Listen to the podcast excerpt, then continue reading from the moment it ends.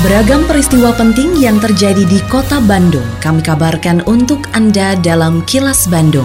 Diproduksi oleh LPS PR SSNI Bandung bekerja sama dengan Humas Pemkot Bandung yang disiarkan serentak oleh 40 radio anggota PR SSNI Bandung. Sejumlah informasi aktual kami hadirkan untuk Anda dan inilah informasi utamanya. Vaksinasi bagi lansia di kota Bandung dimulai Jumat. Jumlah pasien COVID-19 di RSHS Bandung turun drastis. Wali kota ajak warga ikut program menabung sampah jadi emas. Saya, Santika Sari Sumantri, inilah kilas Bandung selengkapnya. Jumat ini, kalangan lanjut usia atau lansia di kota Bandung akan menerima vaksinasi COVID-19. Namun penyuntikan vaksin tersebut baru dilakukan terhadap beberapa persen dari jumlah total lansia. Kepala Dinas Kesehatan Kota Bandung Ahyani Raksanegara mengatakan pada Kamis ini mulai dilakukan pendistribusian vaksin COVID-19 ke seluruh fasilitas kesehatan. Para lansia yang akan mendapatkan vaksin sudah menerima tautan untuk mendaftar, kemudian dilakukan sinkronisasi oleh Kementerian Kesehatan. Setelah itu Dinas Kesehatan Kota Bandung mendapatkan daftar penerima kemudian diverifikasi bahwa mereka berdomisili di Kota Bandung dan berhak untuk divaksin. Selain kepada kalangan lansia, pemberian vaksin juga masih diberikan kepada tenaga kesehatan yang pada tahap satu belum disuntik karena belum ada vaksin tambahan atau perluasan kriteria. Sedangkan vaksinasi bagi pedagang di pasar tradisional juga pekerja di sektor pelayanan publik baru diberikan kepada 7 persen dari total data yang disampaikan perluasan kriteria. Karena kan yang waktu awal itu tensi di atas 140 nggak boleh sekarang boleh. Menyusui dulu nggak boleh sekarang boleh. Yang penyintas kanker dulu nggak boleh sekarang boleh. Nah itu kan berarti harus kita sisir semua semua yang tadinya nggak boleh. Nah itu insya Allah lah hari Jumat kita sudah bisa mulai besok distribusi hari ini kita sudah mulai dapat data 24 ribu lansia misalnya. Nah yang 24 ribu ini oleh Dinkes akan dibagi nih vaskes mana aja disiapin vaksinnya. Nanti si lansianya dikasih tahu bisa hadir ke mana-kemana.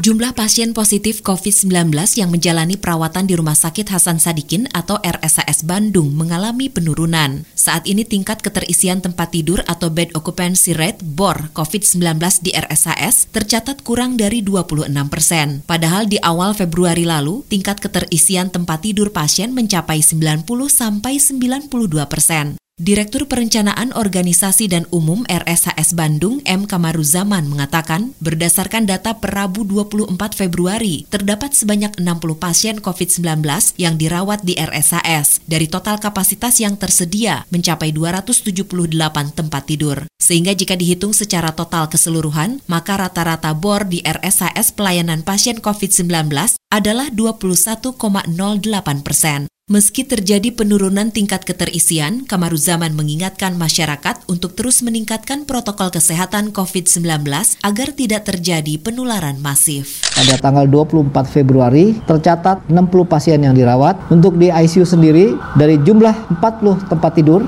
ada 24 pasien yang dirawat di ICU, sedangkan yang dirawat di non-ICU itu adalah dengan kapasitas 238, tercatat 36 pasien yang dirawat di non-ICU. ICU. Jika dihitung secara total keseluruhan, rata-rata bor di Rumah Sakit Hasan Sadikin pelayanan pasien COVID adalah 21,08 persen.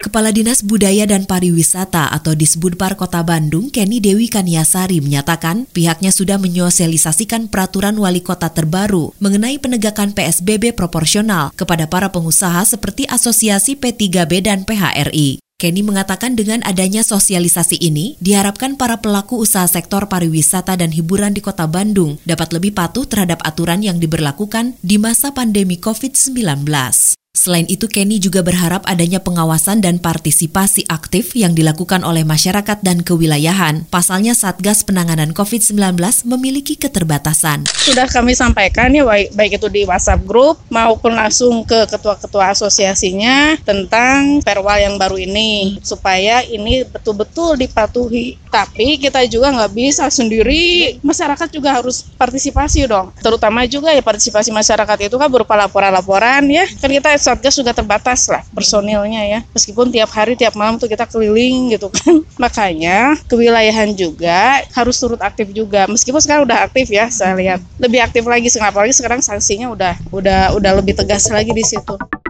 Warga Kota Bandung diajak untuk mengelola sampah sehingga bernilai ekonomis, antara lain melalui program menabung sampah menjadi emas. Ajakan tersebut disampaikan Wali Kota Bandung, Oded M. Daniel, saat meresmikan program menabung sampah menjadi emas yang merupakan inovasi terbaru Bank Sampah Resik PD Kebersihan Kota Bandung. Oded berharap program menabung sampah menjadi emas ini dapat mendorong masyarakat untuk lebih semangat dalam pengelolaan sampah, apalagi sampah yang diolah nantinya dapat ditukarkan dengan emas. Masyarakat yang berminat menjadi nasabah dapat langsung datang ke Bank Sampah Resik Kota Bandung. Sampah menjadi emas ini akan menjadi sebuah spirit atau semangat bagi masyarakat untuk lebih memisahkan sampah, lebih semangat lagi. Dan kenapa? Karena akan menjadi emas, insya ya. Kejaksaan Negeri atau Kejari Bandung berhasil menyelamatkan dan mengembalikan uang negara sebesar 9,65 miliar rupiah dari dua kasus tindak pidana korupsi yang telah memiliki kekuatan hukum tetap. Kepala Kejari Bandung Iwa Suwia Pribawa mengatakan pihaknya mengembalikan uang milik PT Pos Indonesia dari hasil sitaan kasus korupsi pengadaan barang alat PDT yang bakal digunakan oleh para pengantar pos. Sedangkan uang yang dikembalikan ke PT Pegadaian merupakan hasil sitaan pada kasus penyelewengan pengelolaan produk Pegadaian Rahan dan Pegadaian Arum Emas fiktif di unit pelayanan syariah Babakan Sari, Kota Bandung. Menurut Iwa, pengembalian ini merupakan salah satu tujuan dari pemberantasan tindak pidana korupsi, yaitu menyelamatkan keuangan negara. Dengan kata lain, penanganan kasus korupsi tidak hanya menjatuhkan pidana kepada pelakunya, tapi juga harus menyelamatkan keuangan negara. Ini juga yang diamanatkan oleh pimpinan kita, yaitu bila melakukan suatu penindakan terhadap tindak pidana korupsi, diupayakan adanya penyelamatan keuangan negara. Jadi tidak semata-mata hanya menjatuhkan pidana badan saja, tapi juga menyelamatkan menyelamatkan keuangan negara.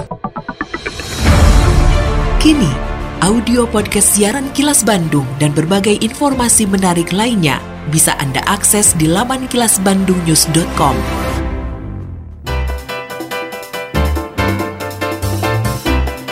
Berikut sejumlah agenda kerja para pejabat Pemkot Bandung Kamis 25 Februari 2021. Wakil Wali Kota Yana Mulyana menghadiri pelantikan dan pengambilan sumpah janji pegawai negeri sipil di lingkungan pemerintah Kota Bandung. Selanjutnya memberikan sambutan secara online pada diskusi publik solusi pengurangan sampah plastik di Kota Bandung. Adapun Bandung menjawab di auditorium Balai Kota Bandung menghadirkan narasumber dari Dinas Kesehatan Kota Bandung serta Dinas Pemuda dan Olahraga Kota Bandung.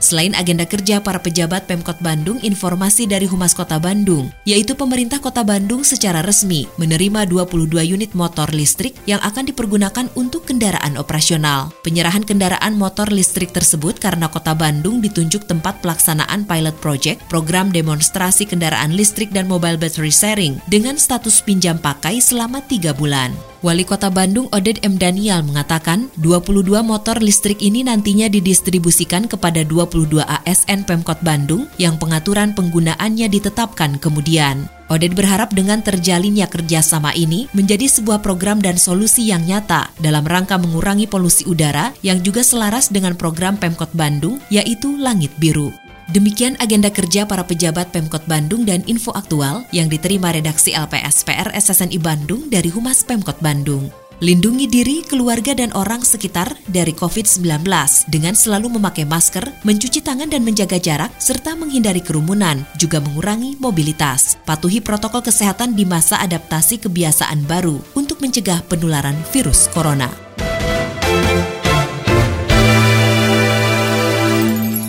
Terima kasih Anda telah menyimak Kilas Bandung bekerja sama dengan Humas Pemerintah Kota Bandung yang diproduksi oleh LPSPR SSNI Bandung.